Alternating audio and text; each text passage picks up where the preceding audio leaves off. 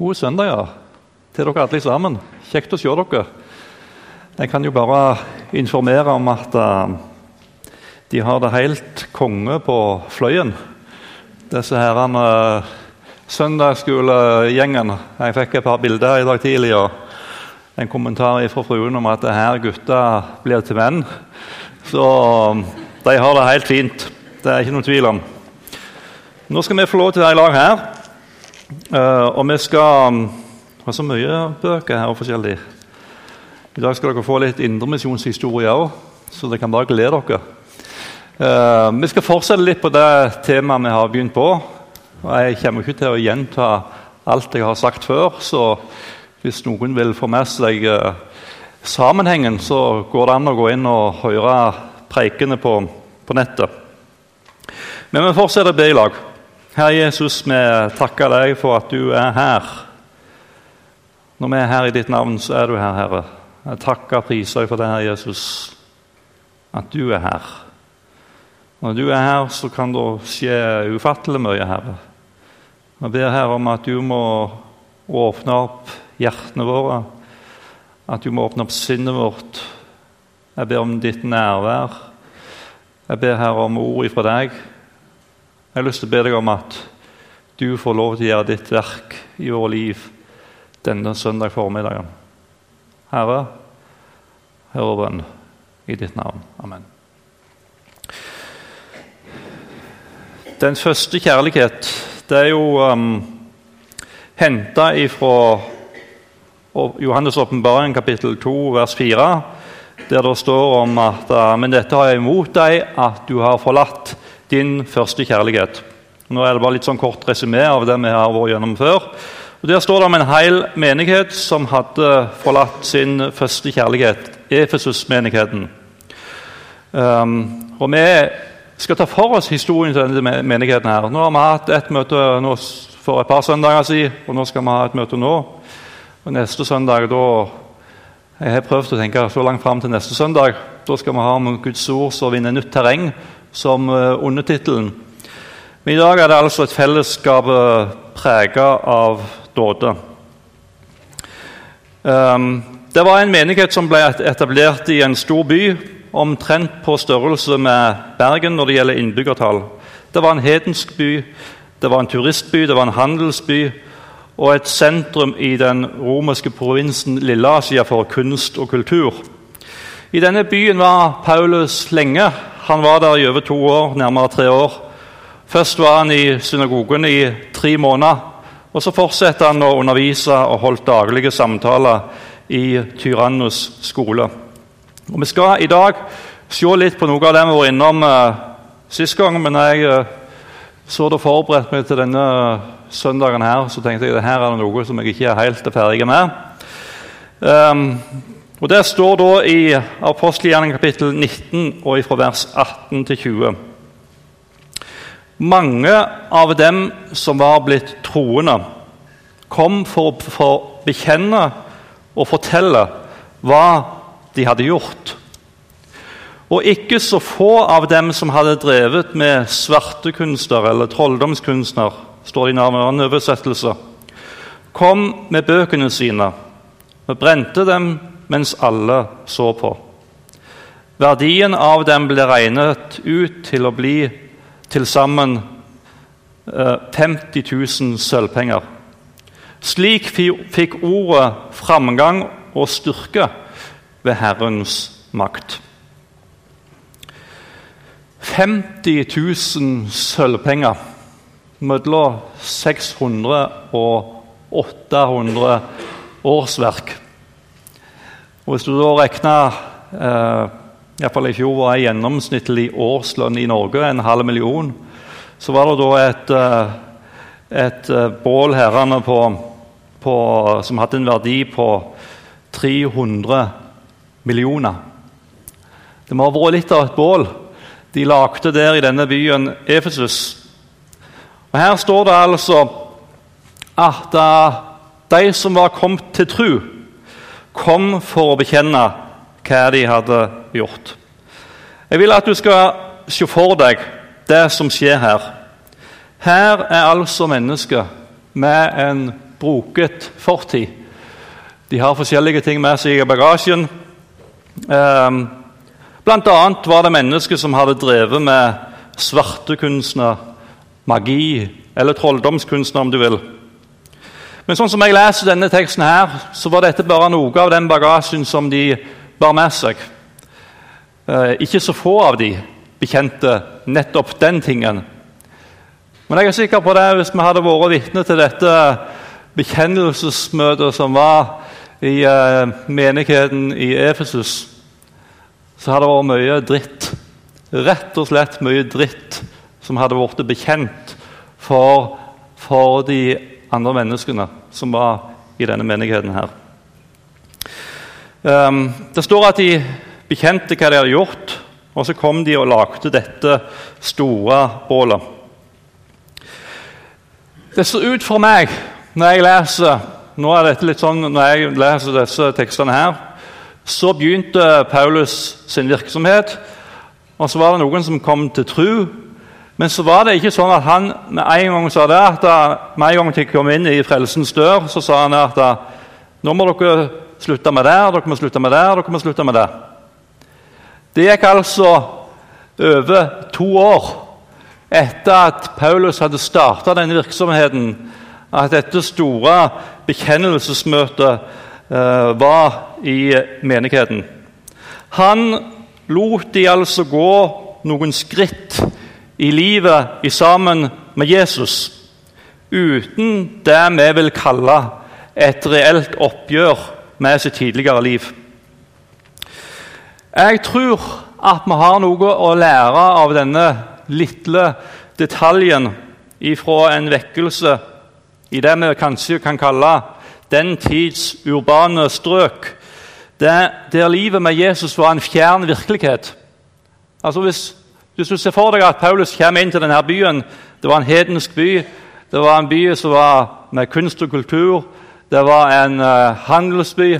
Og her var folk med utrolig mye forskjellig bagasje i ryggsekken sin. Um, de, levde, de levde fjernt ifra livet med Jesus.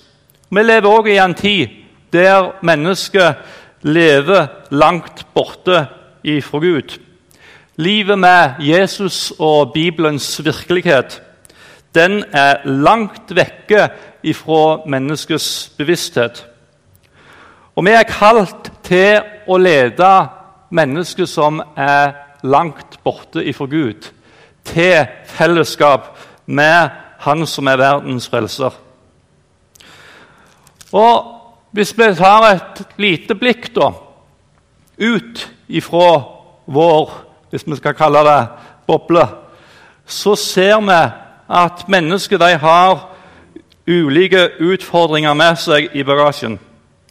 Det være seg brutte ekteskap, det være samboerskap, det være seg rusproblematikk, mennesker lever i homofilt samliv, Mennesker med en annen religion, mennesker med en dårlig atferd, baktalelse, økonomisk utroskap.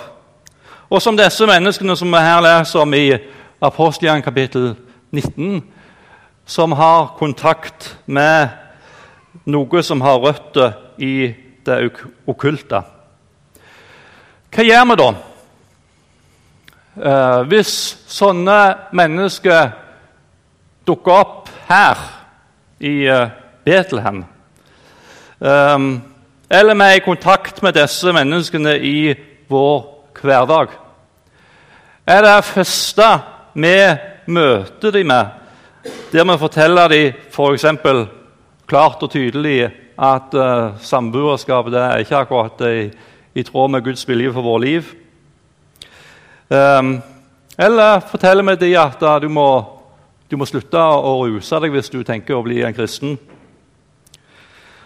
Og må mennesket i det øyeblikket de er blitt kristne, være kvitt alt som har med deres tidligere liv i det øyeblikket.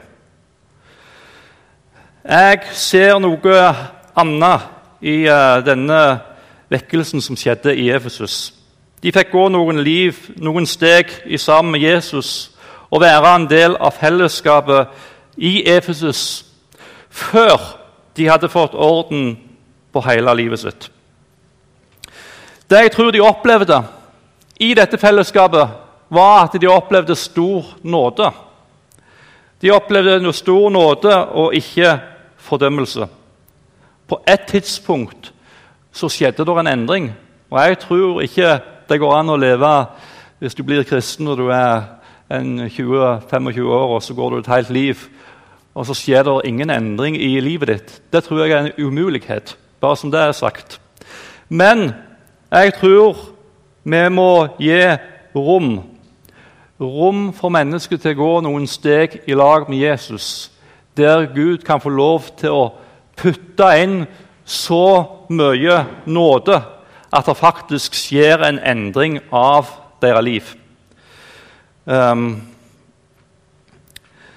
de hadde, det er iallfall ingen tvil om når jeg leser denne historien til menigheten i Efesus, så er det ingen tvil om at de som kom inn i fellesskapet, de, eh, de fikk forkynt og de fikk undervist om hvordan livet med Gud er. Det står jo i eh, Apostelgjerningen kapittel 20, vers 20 så står det om når Paulus møtte de eh, eldste i Efesus, så står det at han, han forteller til dem dere vet at jeg ikke har holdt noe tilbake som kunne gagne dere. Men jeg har forkynt for dere og undervist dere både offentlig og i hjemmene. Så jeg er sikker på at da, i den tida ifra Paulus begynte sin virksomhet i Efesus um, og til dette bekjennelsesmøtet var, så tenker jeg at en del av det som Paulus underviste om, var nettopp de tingene som de etter hvert kom og bekjente og la fram for de andre. Men de opplevde De stakk ikke av. Ser dere det? Selv om, selv om de, Paulus underviste og forkynte for dem om det som, om livet i lag med Gud og hvordan det, arter seg, så stakk de ikke av. De ble værende i fellesskapet. Og da tenker jeg det er noe med det fellesskapet som var kjennetegnet av at det var prega av nåde.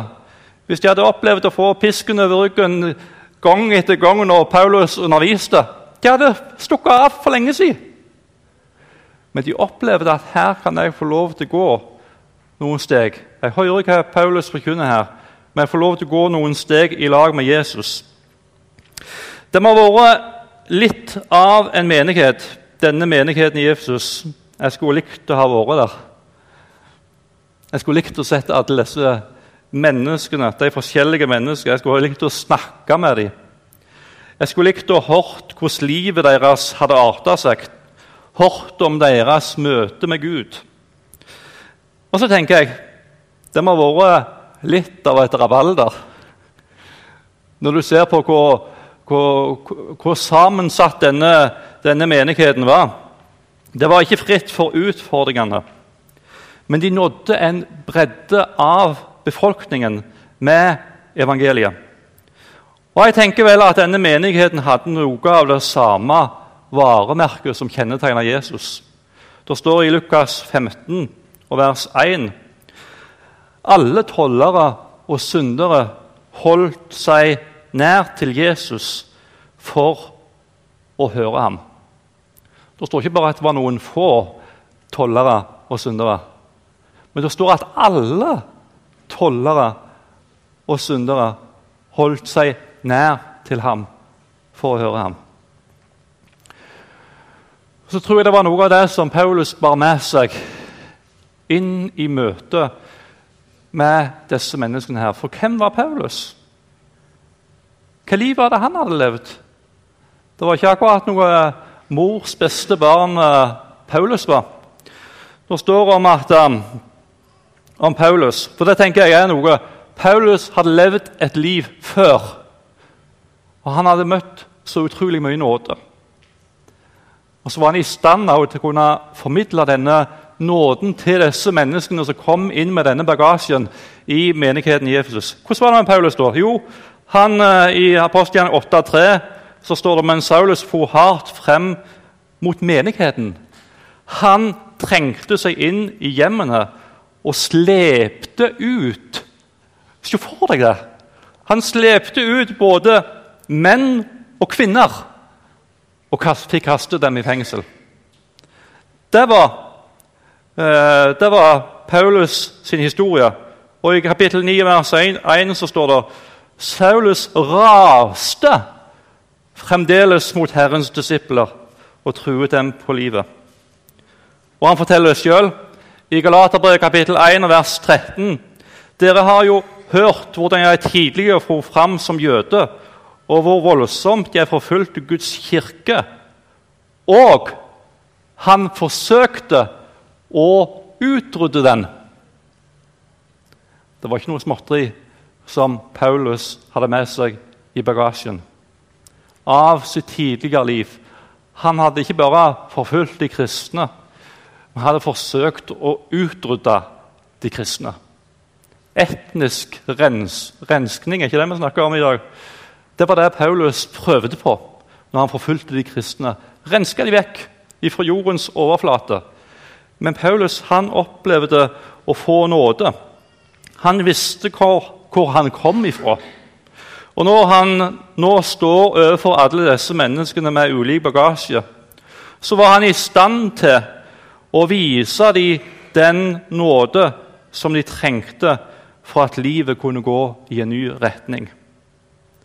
Det hadde han opplevd sjøl. Um, ehm, hvis vi da tar et blikk på hvor er vi hen i dag? Um, hvis vi ser, hvis vi, nå har jeg prøvd å tegne et bilde av, av menigheten i Efesus, der de, der de nådde en, en, bredde, en stor bredde av byens befolkning. Hvor er, hvor er Betlehem i dag? Hvordan er fellesskapet til Betlehem? Jeg synes det var flott å høre dette intervjuet. her. Og Det forteller noe om hvordan vi har det i lag med hverandre, vi som er her. Men det jeg ønsker å sette litt fokus på i dag, det er hvordan er vi når det gjelder de som er utenfor. Har vi, Bærer vi noe med oss? Kommer vi i berøring med mennesker som lever langt borte fra Gud? Kommer vi i berøring med dem? Um, ja, sier noe. Vi har jo Indremisjonshjemmet. Det er sant, det er bra. Vi har Indremisjonshjemmet der vi kommer i berøring med mennesker som lever langt borte ifra Gud. Men er du fornøyd med det? Ja, sier andre, vi har jo barne- og ungdomsarbeidet vårt. Ja, jeg takker Gud for barne- og ungdomsarbeidet, som er en del av Betlehem sitt arbeid, Bergens Indremisjon sitt arbeid. Og jeg tror Muligens, kanskje Jeg har i snakket med flere her som har opplevd å møte Gud for første gang gjennom den delen av Bergens Indremisjon sitt arbeid. Jeg takker Gud for det. Men er du fornøyd med det? Um, må se her Har vi den tiltrekkende kraften på mennesket som lever Det spørsmålet som jeg vil stille i dag. Har vi den tiltrekkende kraften på mennesket som lever langt borte ifra Gud? Så det vi ser, er en realitet i menigheten i Efesus.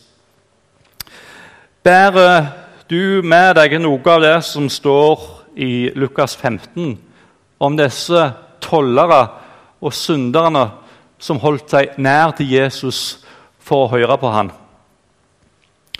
Det står ikke, eh, det står ikke at disse som hørte på Jesus i Lukas 15 Det står ikke at de var ferdig med syndelivet sitt. Det står ikke at de hadde fått orden på hele livet sitt, og så var de i stand til å være i lag med Jesus og høre på ham.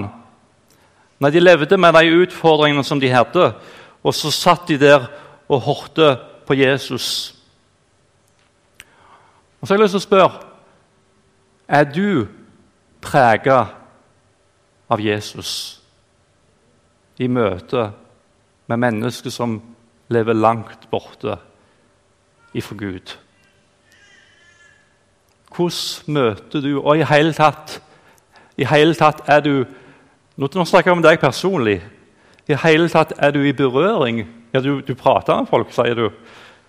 Men prater, møter de Jesus gjennom deg? Møter de Jesus gjennom ditt liv? Gjennom det du gjør overfor mennesker som lever langt borte fra Gud, og gjennom det du sier til mennesker som lever langt borte fra Gud, merker de noe av at Jesus For der står det jo at Jesus han lever i oss. Merker de at Jesus lever i deg? Møter de noe av det vi ser i uh, menigheten i Efesus? Kan vi ta et lite blikk på historien, da? Hvor mange har lest denne her? Med livets rett. Du, det var ikke mange, altså. Vet du hva? Den boka der, den må dere lese. Det er en fantastisk lesning. Eh, jeg vet ikke hvor mange det er på lager her, men vi skal nå få en ordning på det hvis det er noen som vil ha det. Men her står det utrolig mye interessant. Og her står det om I 1865 så kom det en kar som heter Lars Oftedal til denne byen. her. Og Han var ikke noen hvilken som helst kar. Han uh, var en, uh, en, av datidens store predikanter. Og Så forteller han litt om hvordan livet i byen var. herrene. Nå skal du høre her. Her må det ha, I 1865 kom han til byen. altså. Her må det ha vært atskillig nød. Mange steder rådde den reneste fattigdom, den reneste elendighet. I mange bosteder, kjellerværelser og loftsrom som folk bodde i. Hva forteller det om? Det forteller at han var der. Det forteller at han var der, rundt forbi i byen. Han så elendigheten. Um, familiene var store, barna hadde det vondt. Ungdommene levde atskillig på gaten. Helt nede i 12-14-årsalderen kunne de sitte på ølsjappene og fylle seg. Vi tror at alt var så mye bedre før. Hæ? Men det var elendighet til de grader. Um, på den tiden var det bordeller. Det var bordell her i Bergen, både i Bergen og i Oslo. Det ble avslutta i 1875. Men så står det at ofte, Oftedal og Indremisjonens ledere tok også opp kampen mot dette uvesen. Og så skal du høre hvordan det skjedde. Hør hvordan det skjedde. Det er gripende å lese om hvordan han og et par ledere tok seg av en ung pike som hadde rømt hjemmefra et sted på Vestlandet, var kommet til Bergen og hadde meldt seg for politiet for å få plass på et bordell. Politimannen gjorde Indremisjonen oppmerksom på henne, og de gjorde alt som står i menneskelig makt for å få henne på bedre tanker. Det lyktes da også å redde henne.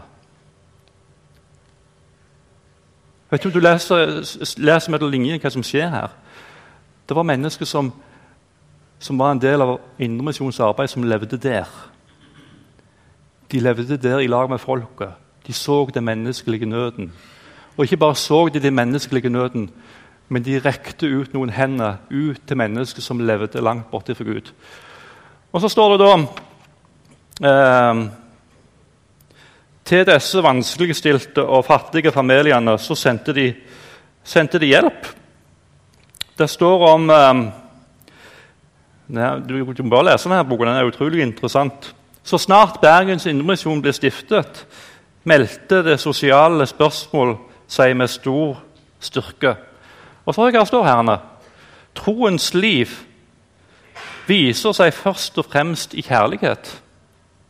I kjærlighet til Gud og mennesker. Troen er slik i seg selv at den må øve kjærlighetens gjerninger. Og kjærlighetens gjerninger fører det med seg å vinne mennesker for troen. Så starta de altså opp med å sende bibelkvinner ut til disse fattige familiene som levde langt borte fra Gud. De kom inn i heimene deres. De hjelpte dem i deres legemelige nød. De delte Guds ord med dem. Og jeg tror det var noe av det som var resultatet til at denne byen ble forandra. For at mennesket fikk et møte med Gud gjennom disse menn og kvinner. Og så et lite avsnitt til dette her. og Nå får du bare en liten smakebit her. Nå må vi se her. Det står om redningsarbeidet. og Det var det som nå heter Indremisjonshjemmet. Men de starta både en mannsheim og en kvinneheim for mennesker som hadde det vanskelig. Bergens Indremisjon har alltid satt forkynnerkallet som nummer én. Men den har også hatt et åpent sinn for barmhjertighetsarbeid. I sitt arbeid kom Indremisjonens menn og kvinner. Og Det står ikke bare de ansatte menn og kvinner, men Indremisjonens menn og kvinner kom i kontakt med alle slags mennesker. Syke, forkomne, hjemløse, arbeidssky, drikkfeldige, usedelige, både kvinner og menn. De kom de i kontakt med. Slik var det tanken om redningsarbeidet kom opp. For et liv det må vært i menigheten Betlehem, Bergens Indremisjon. Og så må jeg finne fram notatene mine her igjen. Uh, dette er røttene til Bergens Indremisjon. Og så spør jeg ganske enkelt er vi der i dag. Er vi der i dag? Vi har en stolt historie, og vi kan fortelle om denne historien og glede oss, oss over det som har skjedd i tidligere tider. Men Nå hiver jeg på en påstand her, og så får dere bare arrestere meg etterpå hvis du vil. Uh, jeg, tror jeg, tror vi, kan se noe av dette igjen uh, gjennom de ulike delene av arbeidet, gjennom deres liv som kristne.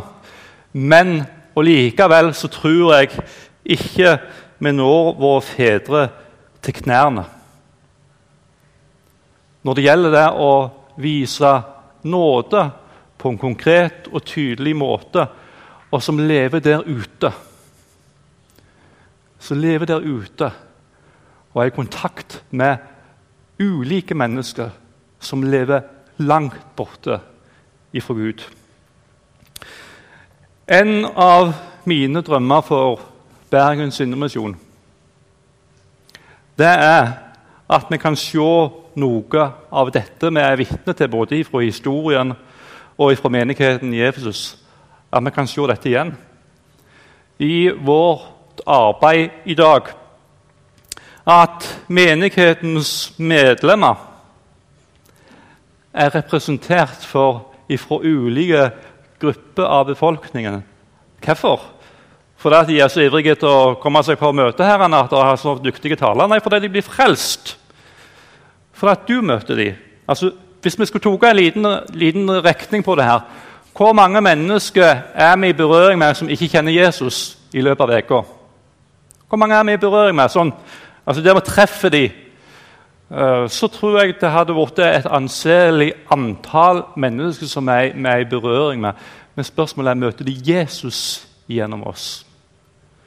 Møter de Han som er verdens frelser gjennom våre liv.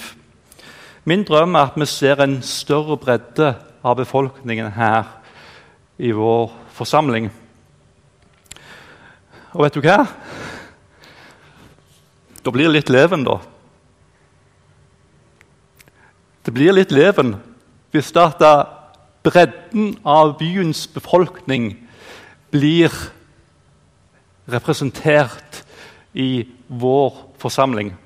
Da blir det litt leven.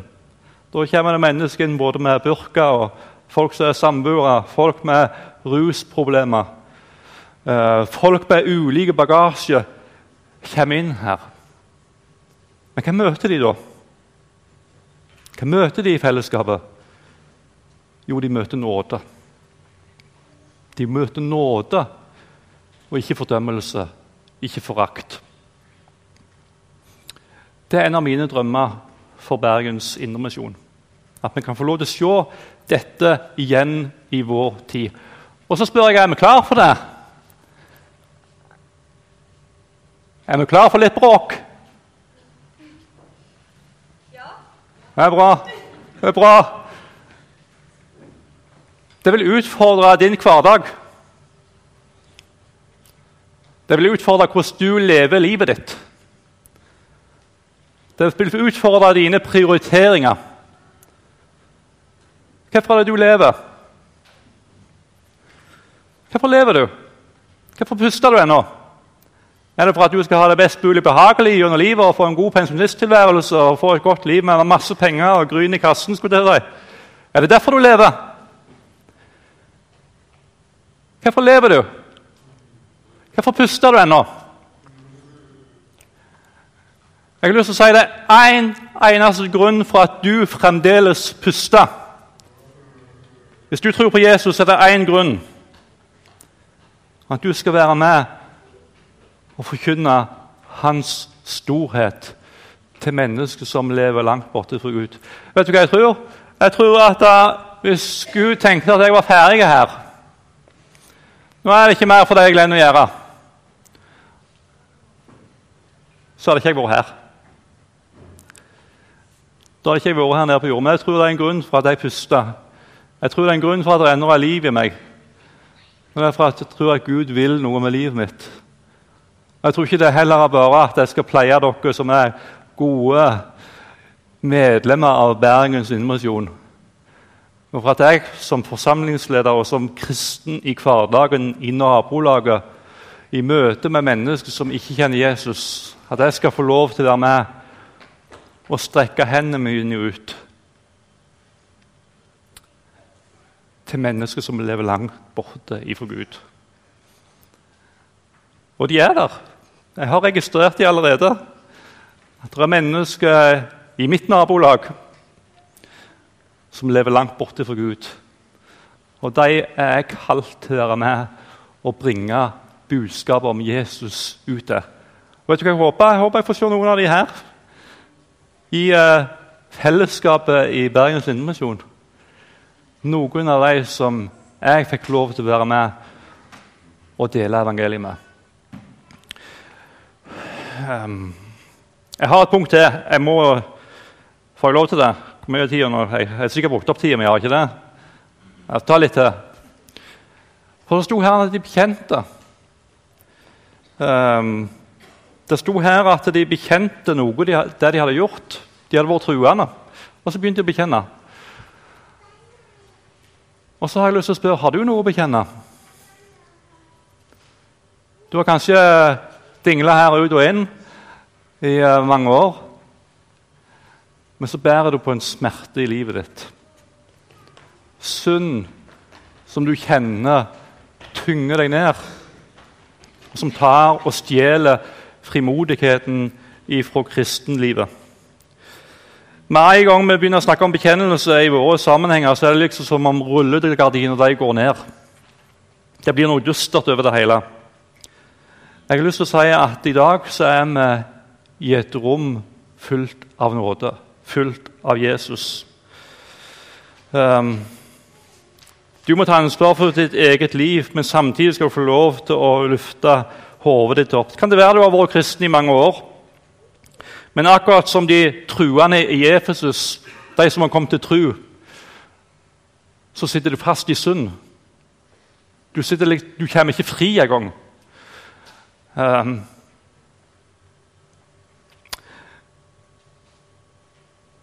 og så kan det være at skammen holder deg fast. Hva vil folk si hvis jeg fortalte om det som jeg bærer på i mitt liv? Hva vil folk si da? Og så kan det være at skammen den holder deg fast. Du skammer deg sånn. Jeg har lyst til at du skal ta, tenke i dag at i dag skal jeg ta ansvar for mitt liv. I dag skal jeg bekjenne. I dag skal jeg gjøre opp for ting i, uh, i mitt eget liv. Kanskje trenger du et lite privat bål. Kanskje det trenger du å prate med noen andre. Det være seg baktalelse, løgn, unndragelse på skatten. Det kan være at noen har vært utro i forhold til sin ektefelle. Jeg vet jo ikke hva Det ser jo prektig ut, hele gjengen. Men det kan godt være at noen av dere Og så kjenner du sånn så stor skam. Tenk hvis folk får vite om det jeg har gjort. Hva vil folk si? Det kan også godt være at noen har Jeg har ikke peiling. det er derfor Nå hiver jeg ut noen ting her.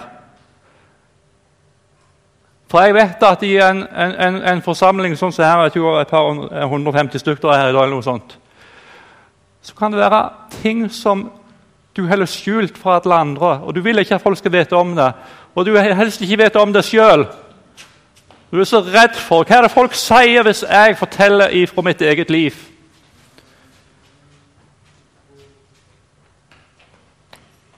Jesus er her i dag. Han møter deg ikke med fordømmelse og forakt.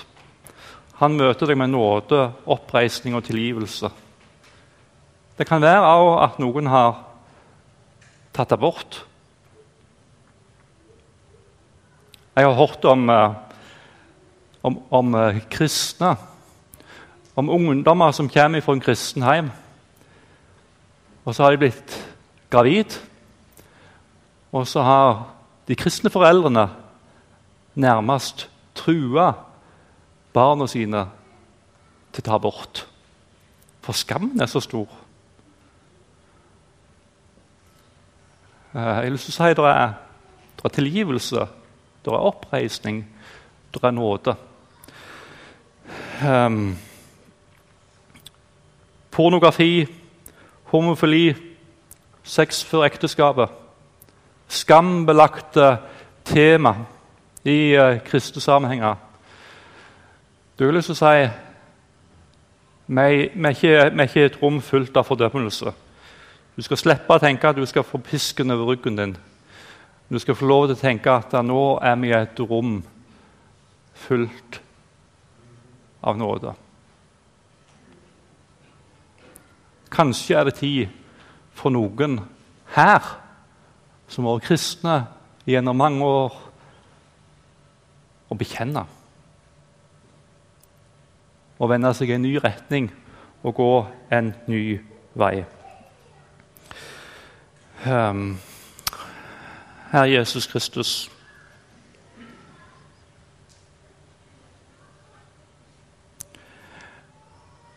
Nå ser du alle tankene som folk sitter med her.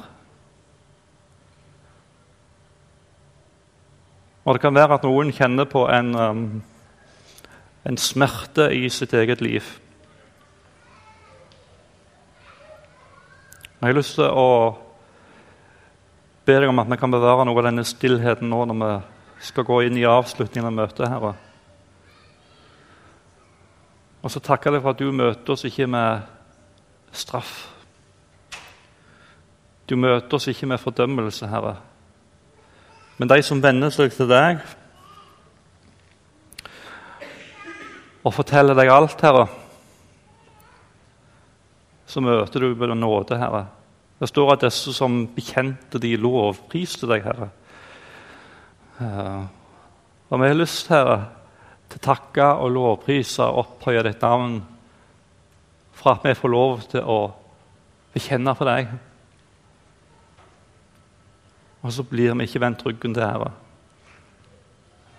Jeg takker og priser deg for det, Herre.